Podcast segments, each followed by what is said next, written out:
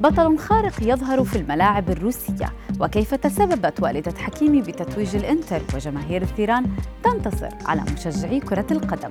إليكم أبرز أخبار الرياضة في الساعات الأربع والعشرين الماضية في دقيقتين على العربية بودكاست. في مفاجأة وعبر بث مباشر وجد أشرف حكيمي والدته أمامه على الشاشة وهي تبارك له بتتويج فريقه إنتر ميلان بلقب الدوري الإيطالي. حكيمي الذي بدا متأثرا من مداخلة والدته اعترف بفضلها فيما هو عليه الآن وأن تتويجه باللقب جاء بسبب وقوفها إلى جانبه.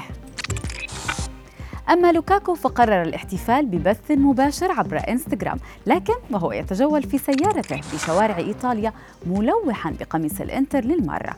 لوكاكو علق هذا العام الأفضل في مسيرتي. أنا أشكر الجميع. في حادثة طريفة بالملاعب الروسية وتحديدا خلال تتويج نادي زنت بلقب الدوري. ظهر المهاجم أرتم زيوبا خلال التتويج وهو يرتدي زي البطل الخارق ديدبول. المهاجم الروسي ارتدى هذا الزي بطلب من ابنه وكما ترون لم يخذله.